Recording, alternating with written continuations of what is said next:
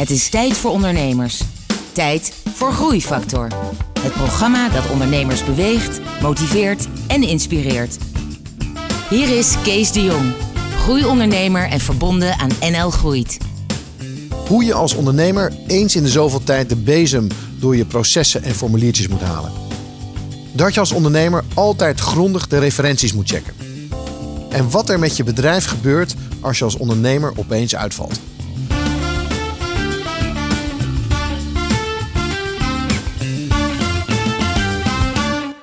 Hallo en wederom welkom bij Groeifactor. Het programma dat ondernemers beweegt, motiveert en inspireert. Met veel muziek, openhartig gesprek hier bij mij op de bank met een inspirerende ondernemer. Uh, en vandaag is dat Leen de Bruin van Metalura. Uh, welkom Leen. Dank je. Uh, Leen, jij bent ehm, ondernemer, maar je bent ook filosoof, zag ik. Klopt, ik studeer ook filosofie sinds een jaar. Klopt. Heb je nieuwe filosofische inzichten die je straks met ons kan delen? wellicht. Oké, nou dan gaan we dan straks naar luisteren. We gaan het hebben over jouw hoogtepunten, over jouw dieptepunten, over jouw pad als ondernemer en alles wat we daarvan kunnen leren. Eerst muziek van Jill Scott Heron met The Bottle. Groeifactor beweegt ondernemers. Uno, dos, tres, cuatro.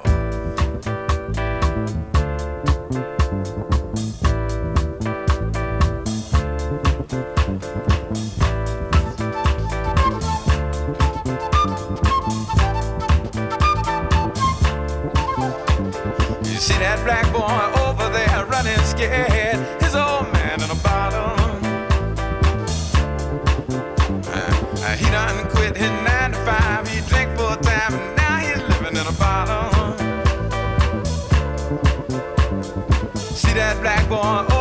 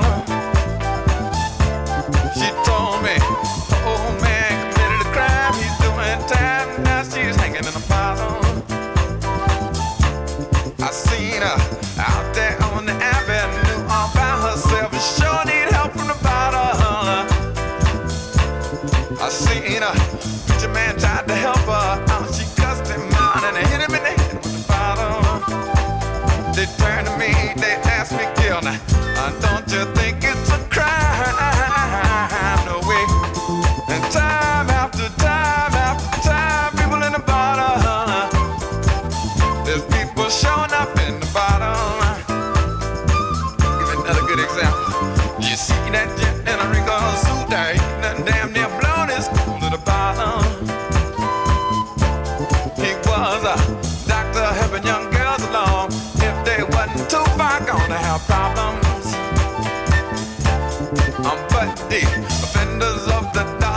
eagle said, What you doing, man?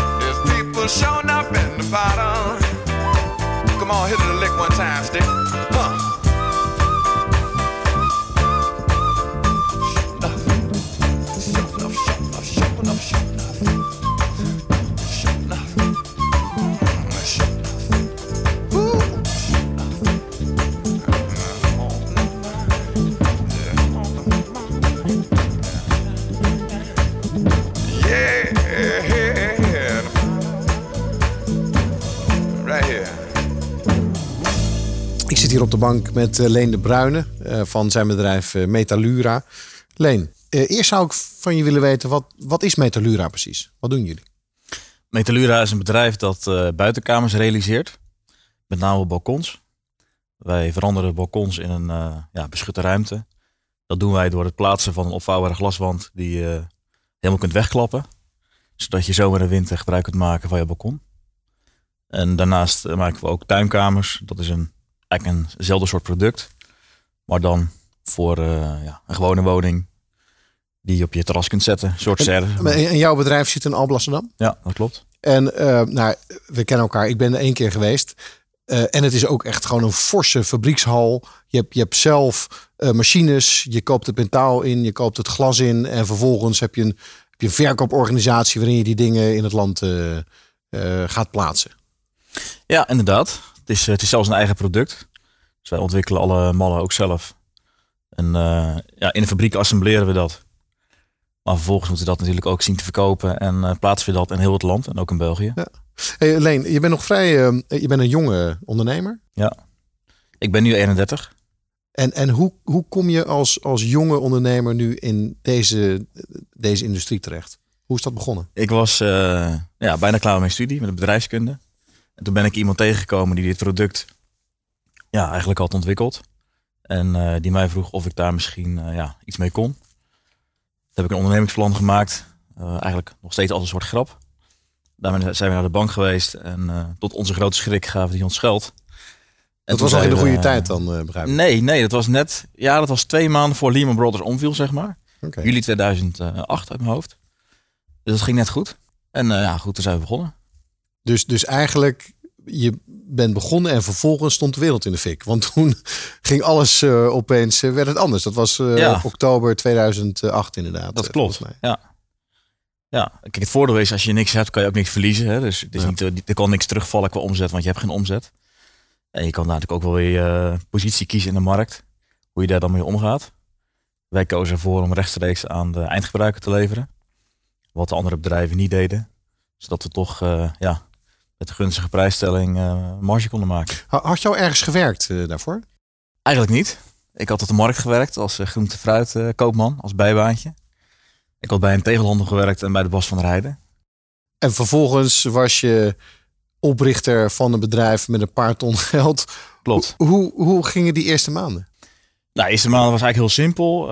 Mijn compagnon die maakte het product. Die ging alles bestellen en testen. Ik maakte een websiteje en ja, probeerde wat klantcontact te maken. We gingen op een beursje staan. Hebben we de eerste twee systemen verkocht. En eh, nou, ik herinner mij een eh bijeenkomst bij een vereniging van eigenaren. Er zaten 30 mensen naar mijn verhaal te luisteren. Eh, ik had eigenlijk geen flauw idee wat ik precies verkocht. Mensen stelden hele ingewikkelde technische vragen. Zat ook allerlei bouwkundigen bij, techneuten, architecten, noem maar op. En wat ik heb gedaan, is dat ik die mensen elkaars vragen heb laten beantwoorden. Hè, dus de een zei van, hoe zit het met de woude, koude, koude warmtebrug? En de ander Ja. zei, joh Piet, eh, dit en dat. Nou, heb ik anderhalf uur volgehouden. En toen had ik een negen verkocht. dus, eh, En, en als je dan teruggaat naar dat moment, wat was nou de reden waarom die mensen dan toch voor jou kozen? ja, toch een gunfactor, denk ik. Ook gewoon rustig blijven. En eh, ja, daar veel tijd aan besteden. Zorgen dat je een verhaal hebt. Ja, gewoon verkopen. Ja. Je gaat gewoon die deal halen, klaar. Ja. En dat had je al geleerd bij de Bas van Heijden achter de. Dat heb ik op de markt geleerd, moet ik zeggen. Ik heb heel veel op de markt geleerd. Ik ehm, was vroeger eigenlijk een hele dromerige, eh, best wel introverte jongen. Mhm. Misschien nog steeds wel. Op de markt was je gewoon, eh, ja, ging al wat ruwer naartoe allemaal. En moest je de hele dag dealen. Hè? Niet alleen met je klanten, maar ook met je collega's. Als je daar vijf jaar op staat. Ik had zelfs een half jaar fulltime op de markt gewerkt. Omdat ik met mijn eerste studie was gestopt. Ik had eerst economie gedaan. Dat lukte niet, eh, niet helemaal. En daar, ja, daar leer je wel met mensen omgaan, ja. Ja. En eh, kom je eigenlijk uit een ondernemersgezin? Eh, ja, eigenlijk wel. Ik ben een eh, boerenzoon. Ik kom uit een klein dorpje in, uit Zuid-Holland. Mijn vader heeft een landbouwbedrijf, mijn ouders. Ja, zo'n landbouwbedrijf aan de keukentafel ik kreeg natuurlijk alles mee. Mensen kwamen op bezoek. Landbouwbedrijf is ook vaak spannend. Hè? De ene keer is de oogst heel veel waard, meestal is het niks waard. Maak je allemaal mee, al die emoties krijg je mee. En daardoor ontwikkel je ook wel een bepaald gevoel van... Hey, het is toch wel pre- prettig als je je zaakjes op orde hebt, zeg maar. Ja. Dat je niet te continu afhankelijk bent van allerlei eh, Ja. omstandigheden. Dus de normen en waarden die waren er al wel goed eh eh, ingeperst. eh, ja, die waren, dat- ja, het is ook een heel conservatief eh, dorp. Dus de normen en waarden, dat zat prima in elkaar. Luister hoe mede-ondernemers in beweging blijven en ontdek nieuwe wegen met Groeifactor.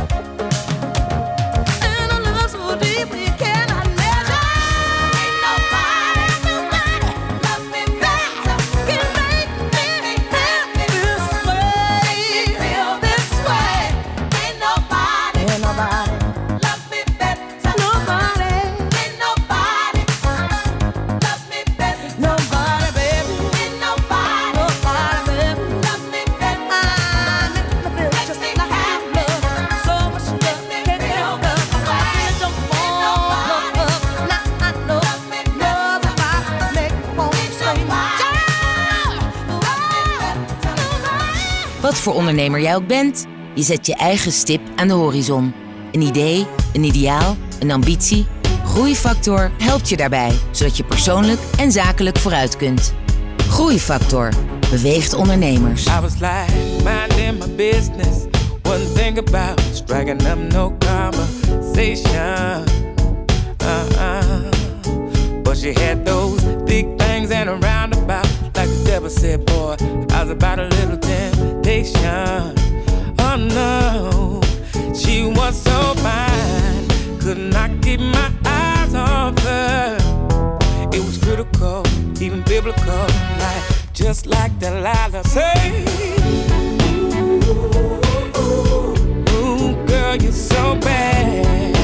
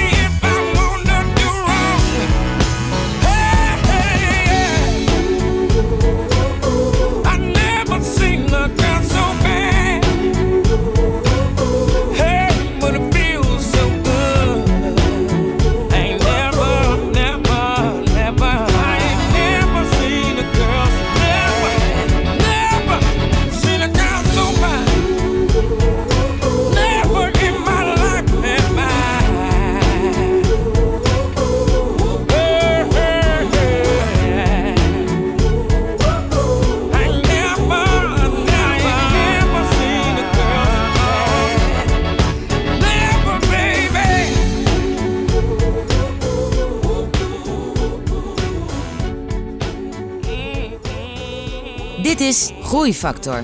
Ik ben in gesprek met Leen de Bruyne. Eh, Leen, eh, je had nog nooit ergens gewerkt. Je komt terug.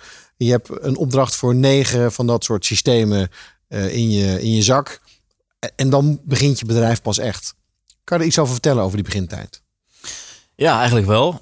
Ik had zoiets van, ik moet zorgen dat ik snel iemand vind die mij gaat helpen groeien. Dus ik had een eh, bedrijfsleider aangenomen van een ander bedrijf. En eh, nou, best een ambitieuze stap denk ik. Het was mijn tweede werknemer. De eerste was een monteur.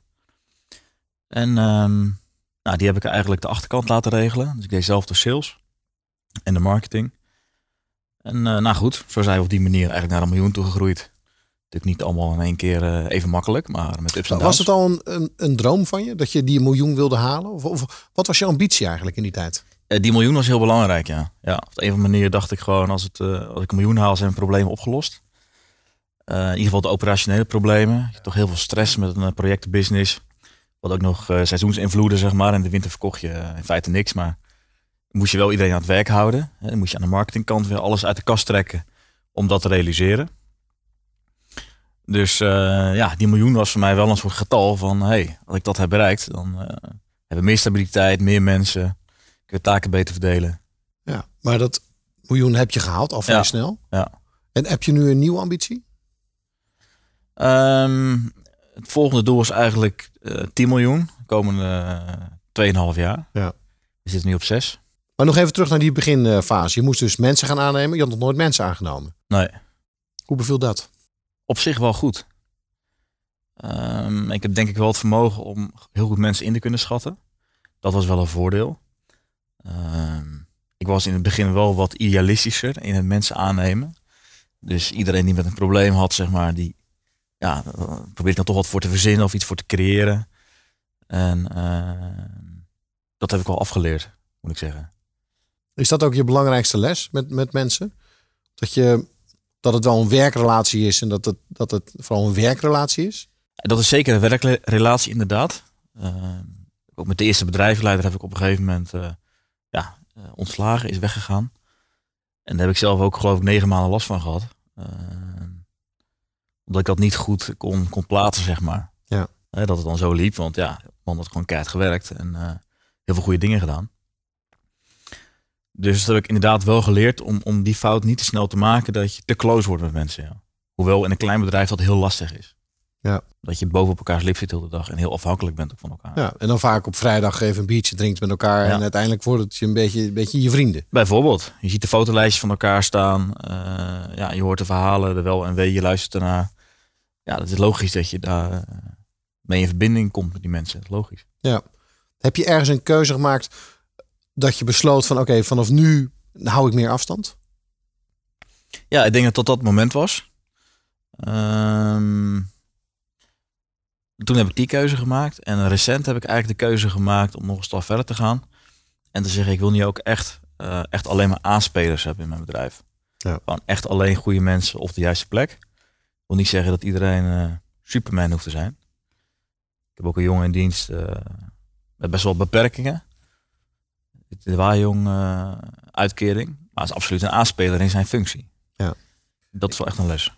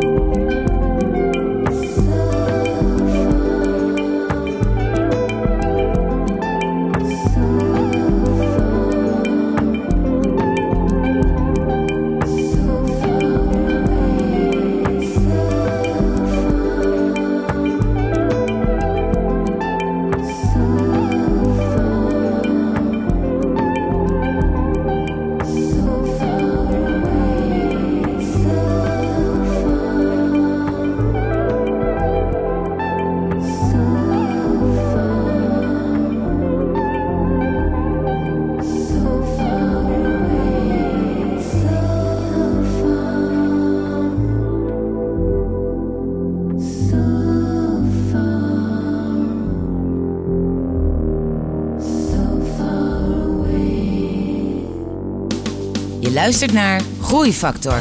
Openhartige gesprekken met inspirerende ondernemers. Groeifactor beweegt ondernemers.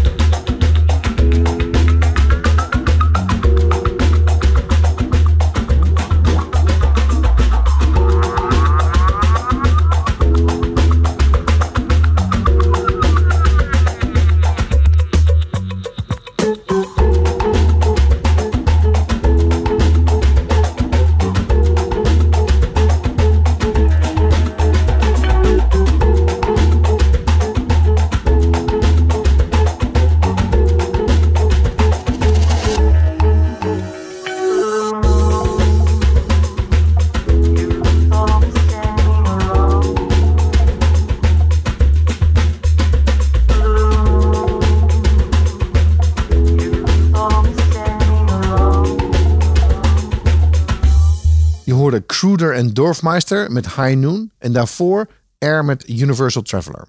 Leen, Ik wil nog even terug naar, het, eh, naar die fase waarin je bedrijf aan het, eh, aan het bouwen was. Naar die, naar die eerste miljoen. Je had je eerste miljoen. En, eh, en, wat dacht je toen? Werd het toen makkelijker, zoals je verwachtte? Nee, eigenlijk niet. Ten eerste zat ik in een lichte crisis. Ik denk, shit, een miljoen en nu? Wat is mijn volgende doel? Ten tweede kreeg je natuurlijk andere problemen. We hadden een mannetje of tien. Eh, nou, je moest op een gegeven moment een soort management eh, installeren, dacht, dacht ik. Mhm. Nou, we hadden vijf mensen op kantoor zitten. Ik dacht van, nou, dat is dan management. Doen we elke week een overleg. Dat heb ik twee keer gedaan. Toen bleek dat twee van de vijf mensen, die zeiden niks. Nooit. Ik denk, ja, die hoeft dan ook niet erbij te zitten. Dan heb ik het maar een maand weer afgeschaft. En toen heb ik met een van die vijf heb ik gezegd, nou, dan zijn wij het management. Dat bestond er dan uit dat we op maandagmiddag eh, aan de bank en de rivier gingen lunchen en dan de week doornamen. En ehm, nou, ja, dat was zeg maar het eerste stapje naar een soort van laag, managementlaag. En eh, ja, met name door de groeifases heen is dat natuurlijk de uitdaging om die managementlagen en die, dat, dat management goed, goed vorm te geven. Als je, als je terugkijkt, hè, nu ben je aanzienlijk verder. Je doet 6 miljoen je op, eh, op weg naar de 10. Als je terugkijkt naar die fase, naar wat je toen wist en wat je toen niet wist. Wat, wat zou je tegen jezelf willen zeggen? Nou, dat ik het toch goed gedaan heb. Omdat, ehm, ja, het het was eigenlijk een enorm stressvolle periode. Ik denk dat heel veel mensen onderschatten hoeveel stress een klein bedrijfje eh, kan hebben. En hoe, hoe, hoe je op eieren moet lopen en een soort aan het bent de hele tijd. En ja, het is toch wel gelukt om, om op al die bordjes in ieder geval de goede zet te zetten om eh, in de volgende fase terecht te komen. Ja. En niet overboord te keeperen halverwege. En, en vervolgens kwam de, de fase daarna, de fase van grote groei. Eh, jij hebt me wel eens verteld eh, bij jullie product dat je wel wist, hè, bijvoorbeeld jullie eh, maken balkonbeglazing bij, bij appartementengebouwen. Dat ziet er echt super chic uit. En je wist dat als je daar één van zou verkopen binnen een bepaald eh, gebouw, dat er vervolgens minimaal tien buren ook kwamen met dezelfde vraag. Hoe heb je dat uitgevonden? Ja, dat is natuurlijk niet heel erg moeilijk om dat eh, te bedenken. Mhm. Maar wij waren er wel creatief in, denk ik. Om een voorbeeld te geven, op een gegeven moment zag ik een hele mooie toren staan. Ik denk, nou, daar moet het in. Dus heb ik gewoon een cafeetje gehuurd eh, daarnaast. Al die mensen uitgenodigd voor eh, een hapje en een drankje, dat cafeetje. Presentatie gegeven. De presentatie was niet al te best, hoorde ik later van, eh, van de mensen. Ja. Maar goed, er kochten wel twee mensen. En dan in de loop van de tijd zit er inderdaad een stuk of twintig in. Dan heb je toch twee ton omzet uit zo'n toren gehaald. Maar ook dat zijn dingen die je niet ergens anders hebt geleerd. Dus je kwam eigenlijk alle taken die je moest leren, zowel het aannemen van mensen als het creëren van de managementlaag, als het creëren van sales en salesmethoden, dat, dat moest uit jezelf komen. Ik heb nou, ik heb alles moeten leren, echt alles inderdaad. En ik heb dat eigenlijk gedaan door heel goed te kijken naar eh, andere mensen die ergens goed in waren. En met name natuurlijk hun ideeën en gedrag te kopiëren en te integreren in je eigen systeem. Ja, ook wel gewoon door het lezen van managementboeken. Heel veel dingen zijn universeel. Ehm, als je bijvoorbeeld een boekje, een heel, heel bekend boekje van Napoleon Hill leest, eh, Think and Grow Rich. Daar staan een aantal principes in die eh, ja, toch als universeel geldig worden gezien. Mhm. Bijvoorbeeld, eh, dat vind ik zelf super interessant. Hè? Dat je als ondernemer een mastermind moet creëren. Alle creatieve geesten om je heen, op alle disciplines die je nodig hebt, als je die kunt verbinden aan jouw bedrijf, of die je in je netwerk kunt stoppen, of dat je ze aandeelhouder maakt, of op een of andere manier betrokken maakt, dat je een soort mastermind creëert, waardoor je gewoon ja, eigenlijk op heel veel vlakken kunt excelleren. Dat je, dat je een soort potentie kunt ontsluiten op heel veel gebieden in je bedrijf. En ook kunt voorsorteren op verdere groei en problemen die op dat gebied waarschijnlijk zullen ontstaan. Maar dus de rol van de ondernemer daarin, die is dan wel cruciaal, want dat is dan de verbindende factor. Ja, je moet denk ik wel beseffen dat je als ondernemer eigenlijk eh, heel afhankelijk bent van heel veel andere mensen. Je moet vervolgens moet je zien te vinden. Je moet ze zo gek zien te krijgen dat ze iets met jou willen. Dat ze voor een klein bedrijf willen werken, of dat ze willen investeren, of dat ze je geld willen lenen, of nou, noem maar op. En je moet dat keihard kunnen verkopen aan die mensen. Je, dat, ze dat toch gaaf vinden om daarbij betrokken te zijn. En ehm, je moet ook zelf natuurlijk het overzicht houden. Dat, dat, kijk, het zijn allemaal meningen en iedereen heeft zijn eigen ervaringen, zijn eigen stokpaardjes. En je moet natuurlijk wel de goede dingen daaruit kunnen pikken om dat te kunnen, om daar een goede taart van te kunnen bakken, zeg maar. Ja. Je, je moet dus overal wel openstaan, maar uiteindelijk moet je er wel boven staan om de juiste dingen eruit te kunnen pakken en dat dan eh, daarmee het bedrijf naar het volgende niveau te helpen. Ja. En voor, wat voor mij daarin belangrijk is, is ook eh, dat je als ondernemer toch veel ruimte hebt voor reflectie. Eh, dat je je intuïtie, dat je daar gewoon ook, ja, dat je die gebruikt. Het is belangrijk dat dingen een plek krijgen en dat je er ook gewoon eh, in je onderbuik voelt van dit is gewoon goed. Nou, die onderbuik, eh, daar gaan we het straks eh, verder over hebben. En, en ook dat het in jouw bedrijfshistorie niet ook allemaal roze geur en maneschijn was. Daar gaan we straks naar luisteren. Eerst muziek van Koop, In a Heartbeat.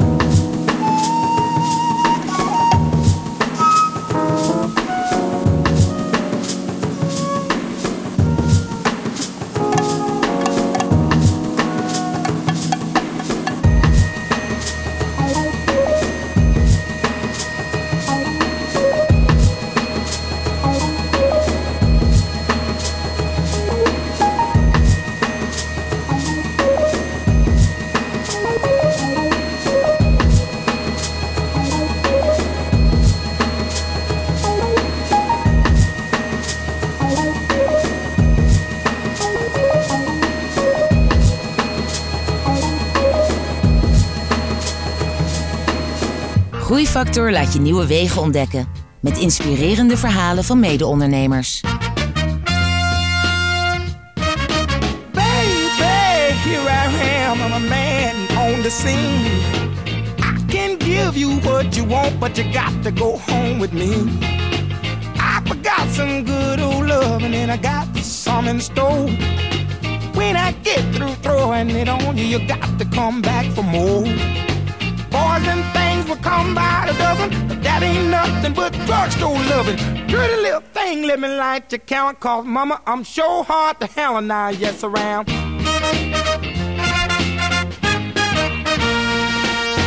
Action speaks louder than word, and I'm a man with a great experience. I know you got you another man, but I can love you better than him. Take my hand, don't be afraid. I wanna prove every word I say. I'm love for free, so won't you place your ad with me? Boys will come a dime by the dozen, but that ain't nothing but ten cent love. Pretty little thing, let me light your count, cause mama, I'm sure hard to hell and I, yes I am.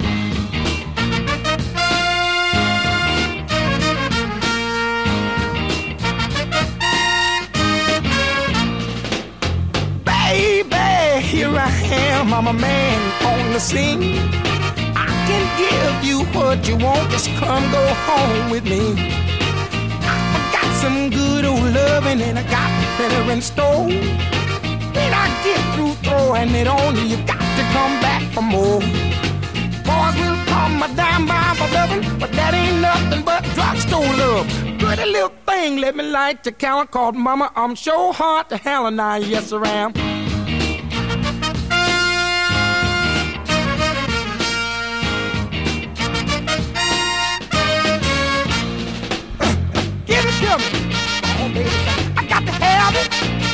Give me some good old love. Some of your good love.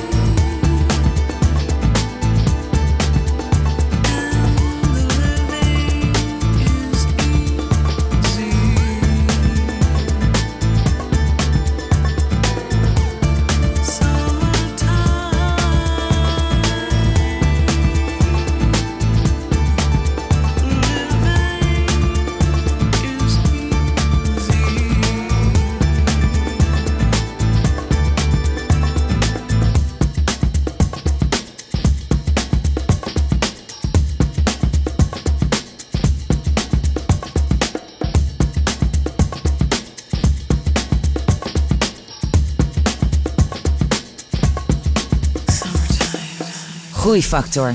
Openhartige gesprekken met inspirerende ondernemers. En vandaag is dat Leen de Bruin van Metalura. Hey Leen, ik heb al aangekondigd net eh, dat je een enorme groei hebt doorgemaakt. ehm, als persoon en, en, en als bedrijf. Maar dat het niet een heel makkelijk pad eh, is geweest. Ehm, je deed een paar miljoen omzet.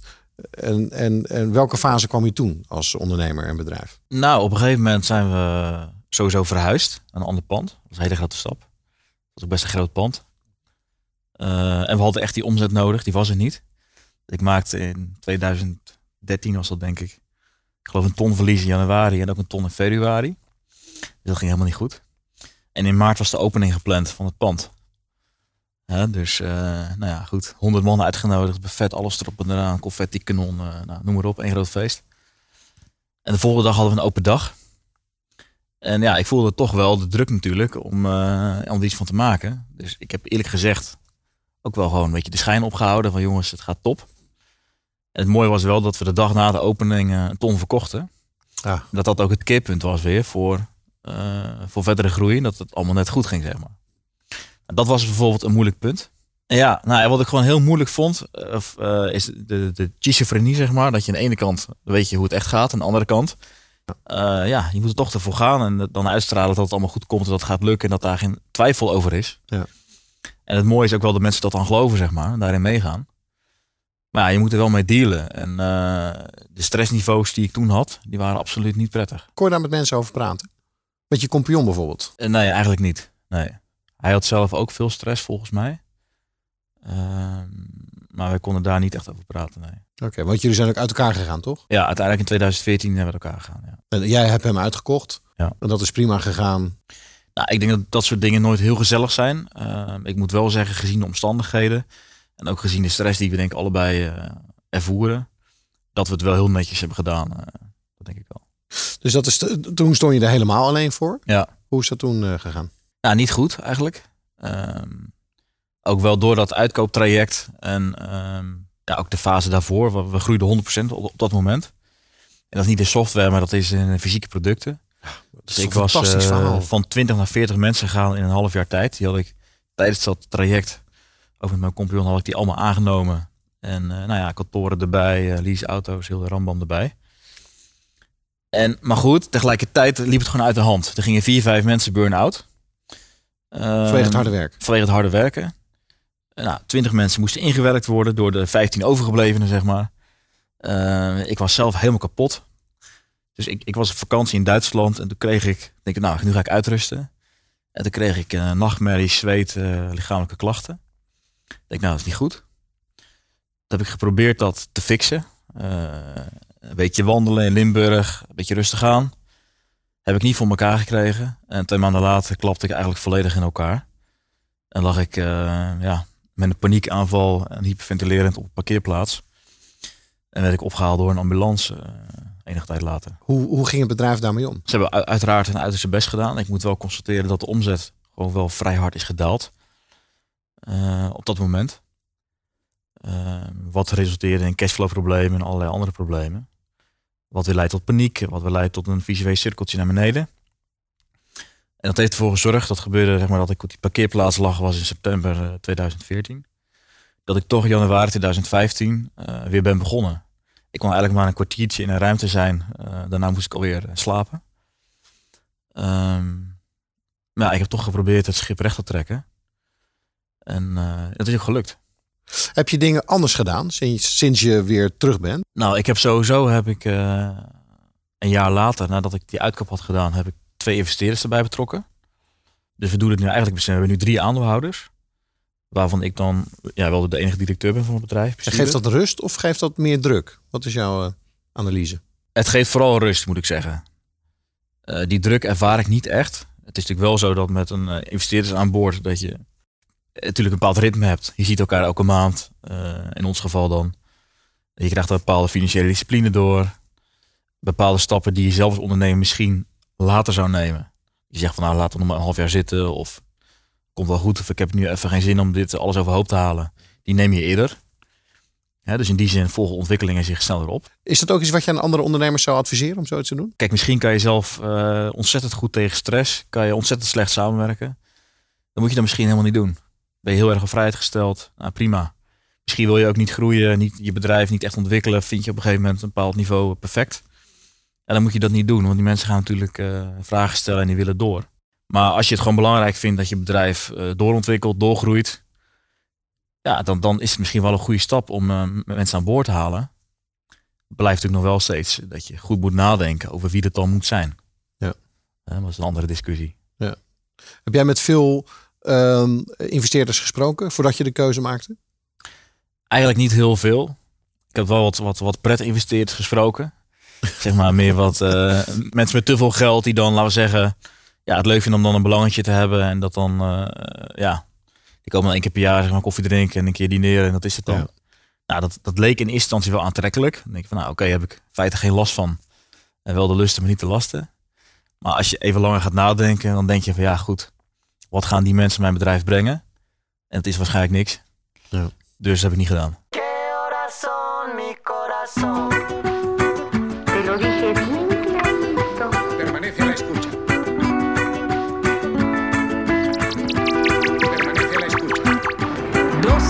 Noche en La Habana, Cuba.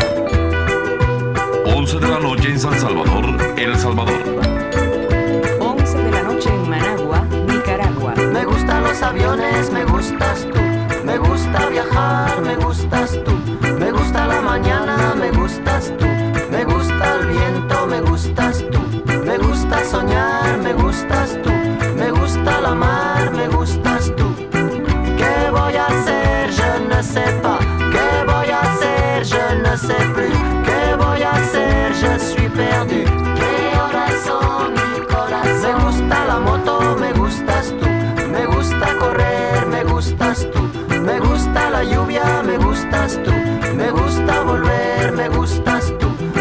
Gusta marihuana, me gustas tú. Me gusta colombiana, me gustas tú. Me gusta la montaña, me gustas tú. Me gusta la noche,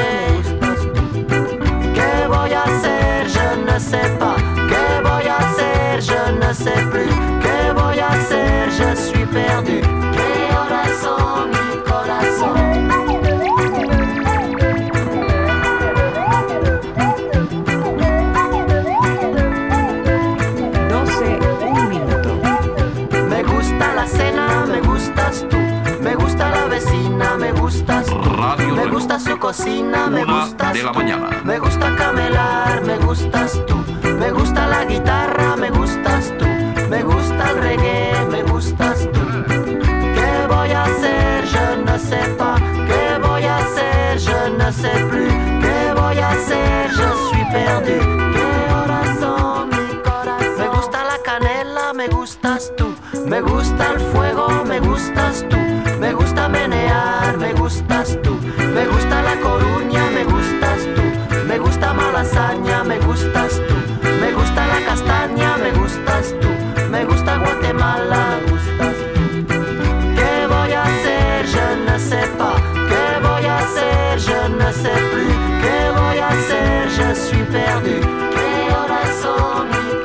song.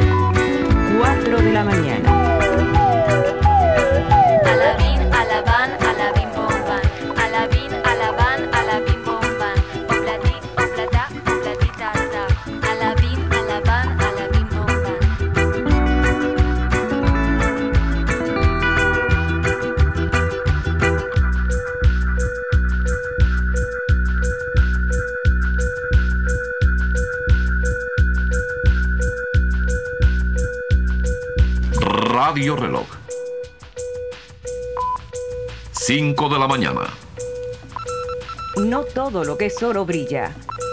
Remedio chino e infalible. Ga naar mkbbrandstof.nl voor nog meer inspirerende verhalen van mede-ondernemers. Groeifactor beweegt ondernemers.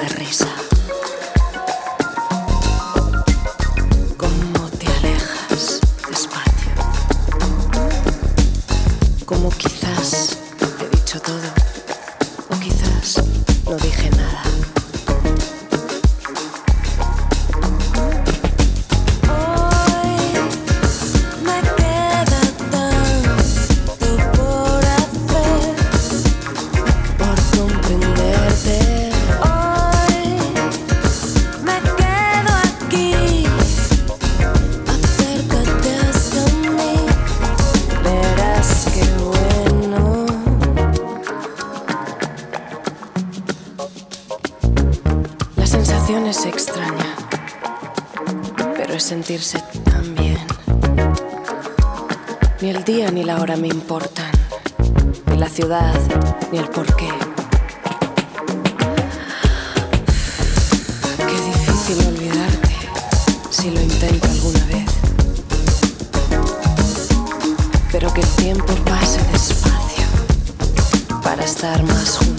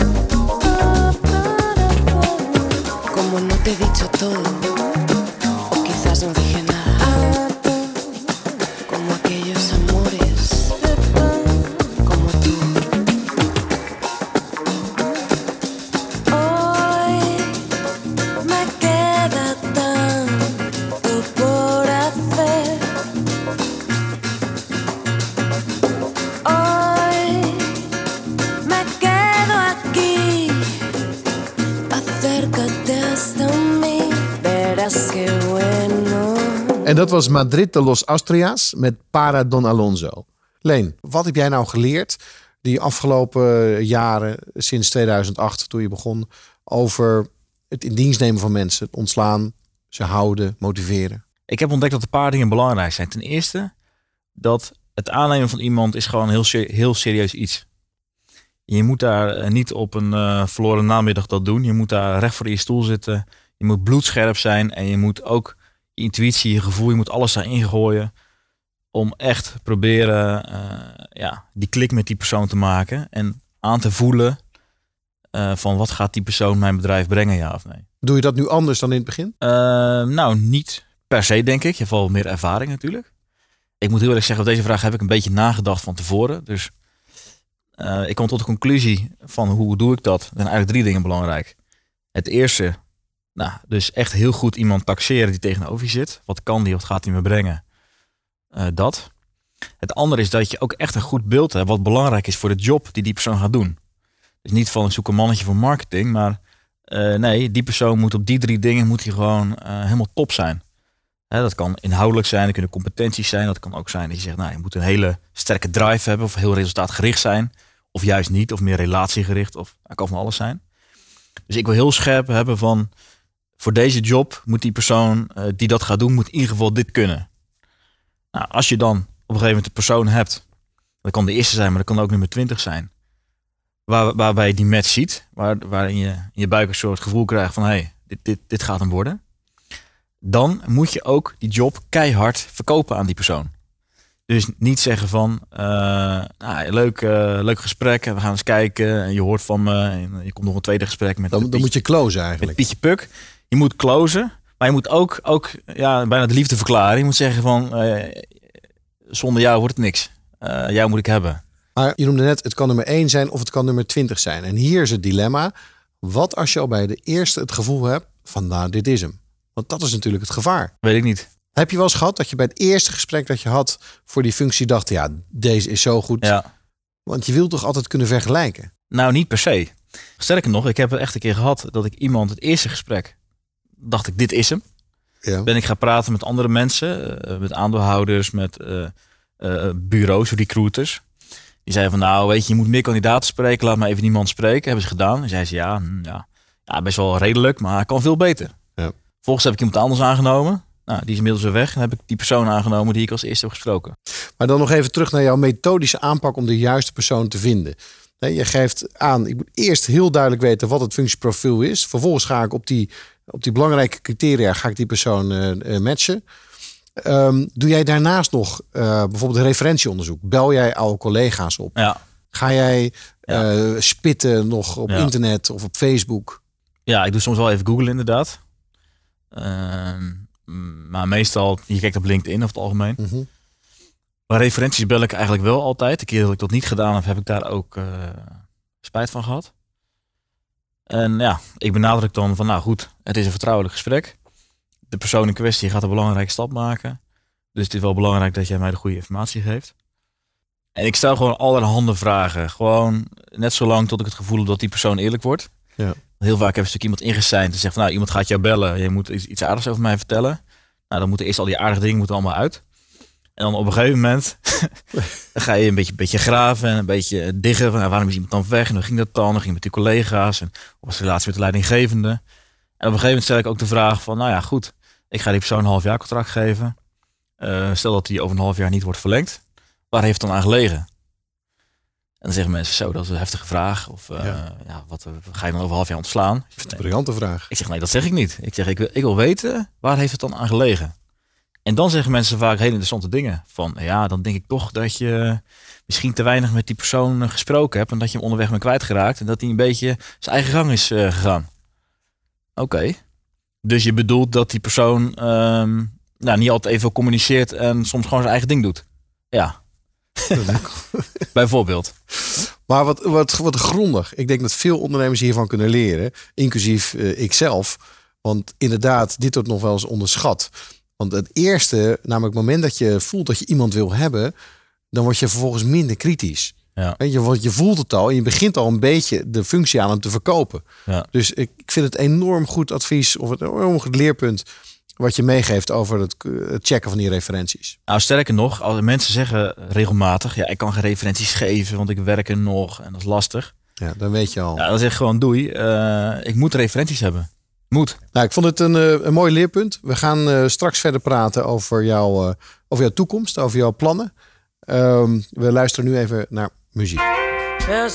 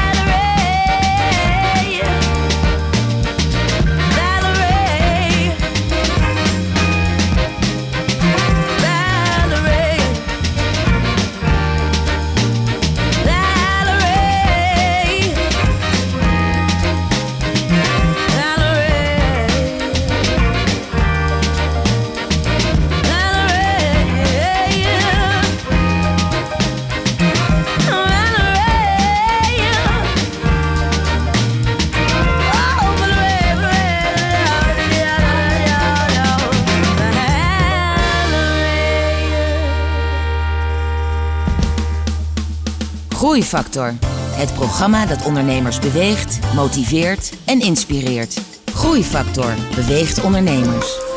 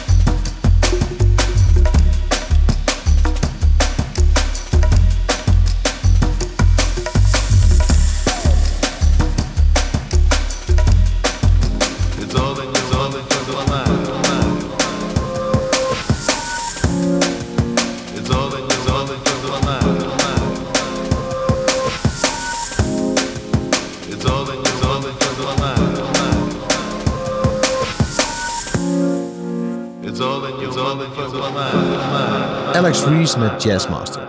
Ik zit hier op de bank met Leen de Bruyne van Metalura. Leen, je hebt ons net enorme waardevolle adviezen gegeven over eh, hoe beter mensen aan te nemen, hoe betere mensen aan te nemen en vervolgens ook hoe, ehm, eh, hoe goed je moet letten op de referenties. Dat je die altijd moet, eh, moet bellen en checken. Ik wil nu even met jou praten over, over de toekomst van je bedrijf. Je hebt een mooi bedrijf opgebouwd, mooie groei, mooi pand. Hoe zie jij de komende jaren ontwikkelen? Je noemde al het getal van 10 miljoen. Waar eindigt jouw ambitie? Nou, ik hoop dat eh, in ieder geval de ambitie van het bedrijf zelf, dat die niet eindigt. Hè, Het is altijd de vraag natuurlijk of de ambitie van de ondernemer hetzelfde is als van het bedrijf zelf.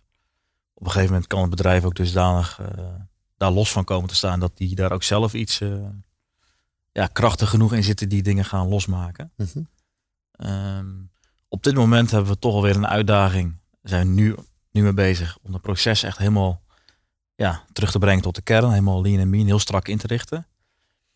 En ehm, dat is momenteel eigenlijk een beetje onze bottleneck. En als we die opgelost hebben, en het ziet eruit dat dat op korte termijn gaat gebeuren, dan zien wij eh, veel verdere groei eh, mogelijkheden. Je moet het bedrijf dus nog schaalbaarder maken. Even met een modewoord, de scalability Ja, die moet worden verbeterd. eigenlijk wel. Ja. En, en het lean, dat is ook zo'n modewoord. Wat, hoe passen jullie dat precies toe? Ja, dat is een interessante vraag. In eerste instantie hebben we bijvoorbeeld consultants ingehuurd voor lean trajectjes. Vervolgens iemand aangenomen, wat losse Maar als je lean gedaan. in één zin zou omschrijven, wat, wat betekent dat? Het is het, eh, het elimineren van alle overbodige handelingen en taken die geen waarde toevoegen voor de klant, waar de klant niet voor betaalt. En ja, die ja, in feite gewoon overbodig zijn. Hoe ver ben je met het eruit snijden van dat soort overbodige processen? Nou, de, de één stap die wij nu gemaakt hebben is dat we... We hadden eerst een verantwoordelijke voor de operatie en één voor de verkoop. Die hadden allebei een eigen winkeltje, zeg maar. We hebben nu een uitvoerend directeur aangenomen die beide beheerst. Eh, dus die beide managt. Dus nu is het één proces geworden. Eh, hij is verantwoordelijk van, van voor tot achter voor het hele primaire proces. Heeft ook veel kennis van eh, ICT-systemen. Dat is onze controller, die is er ook eh, briljant in.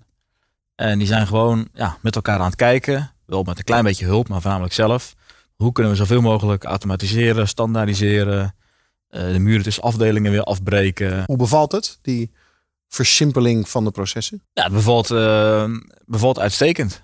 Ik, ik vraag altijd aan het einde van het gesprek ook altijd... wat zijn nou de belangrijkste leerpunten geweest... of de belangrijkste inzichten waarom jouw bedrijf zo is gegroeid? Wat jij nu net noemt, is dat misschien wel achteraf een van de dingen... dat je dat proces hebt van, van opbouwen, stroomlijnen, chaos, nieuw product, nieuwe markt? Nou, de belangrijkste reden voor, ons, eh, voor onze groei is dat we de groei altijd ontworpen hebben. Vanaf begin af aan, vanaf dag één. Altijd doelen opgeknipt in eh, met name weekdoelen dan. Mhm. Dat heel strak monitoren met allerlei dashboardjes, eh, CRM-systemen, rapportages. Iedereen weet waar hij mee bezig is. En daar gewoon super strak op sturen, gewoon eh, elke week. Ja. En zo hebben we eigenlijk altijd ja, ons target gehaald. In ieder geval ons omzettarget. De winst viel meestal tegen. dat toch wel weglekte, dat je weer ging investeren. En eh, nou ja, dat, dat hebben we meestal niet gehaald, moet ik eerlijk zeggen. Maar de omzetgroei hebben we eigenlijk altijd op die manier eh, bijna altijd gehaald. Door het gewoon strak organiseren, het designen van je bedrijf op, op groei. ontwerpen en vooruitdenken. Dat je van, oké, ik ga groeien. Dat betekent dit en dit en dat. Eh, die producten, die mensen, zoveel marketing, zoveel marketing spend. Eh, nou, wat gaat er dan waarschijnlijk gebeuren? Kan je voor, vooraf kan je dat op het algemeen bedenken. Ja, nou, dan waarschijnlijk dit fout, daar, gaat het fout. Wat ga ik dan doen? Nou, dan ga ik dat doen. Dan ga ik misschien die persoon nu al aannemen. Of ik ga vast een reservebankje creëren met wat mensen die ik dan eh, kan invliegen. Ik ga vast wat mensen spreken. Je probeert gewoon voor te sorteren. En dat is, dat is gelukt. Zijn er tot slot nog andere adviezen die je zou kunnen meegeven aan onze luisteraars? Nou ja, ehm, kijk, alles is al een keer bedacht. Dat is denk ik een, eh, een beetje een inkoppertje. Alles is al een keer bedacht. Alle problemen zijn al een keer geweest en opgelost. Ik denk dat je als ondernemer eh, veel tijd moet besteden aan, aan het gebruik maken van de oplossingen die er al lang zijn, maar die jij misschien nog niet weet of niet kent. En, en waar vind je die? Ja, op heel veel verschillende plekken. Eh, bijvoorbeeld managementboeken. Maar ook, ik zit ook bij een ondernemersclub. Waarin je eh, ja, ervaringen deelt. En eh, sport met mensen op een best wel redelijk niveau, vind ik zelf. Waarin je gewoon heel veel herkenbaarheid hef- ervaart. Ja. wat je kunt toepassen. En daarmee ook omdat de meeste ondernemers toch ook weer gewoon dezelfde eh, problemen tegenkomen. En, en dan nog even het verhaal rond te maken. En de meeste oplossingen toch altijd zitten in het vinden en het houden van de beste mensen die je kan vinden voor jouw bedrijf. Ja, en om die te houden moet je zorgen dat er ook alleen maar goede mensen bij komen. Ja. Leen, ik wil jou eh, bedanken voor dit eh, vooral openhartige gesprek. Ik vind het. eh, ik heb er zelf ook veel van geleerd. En ik vond het mooi dat je de dingen hebt gedeeld zoals je hebt gedaan. Dank je. Dank je wel. En aan de luisteraars, bedankt voor het luisteren.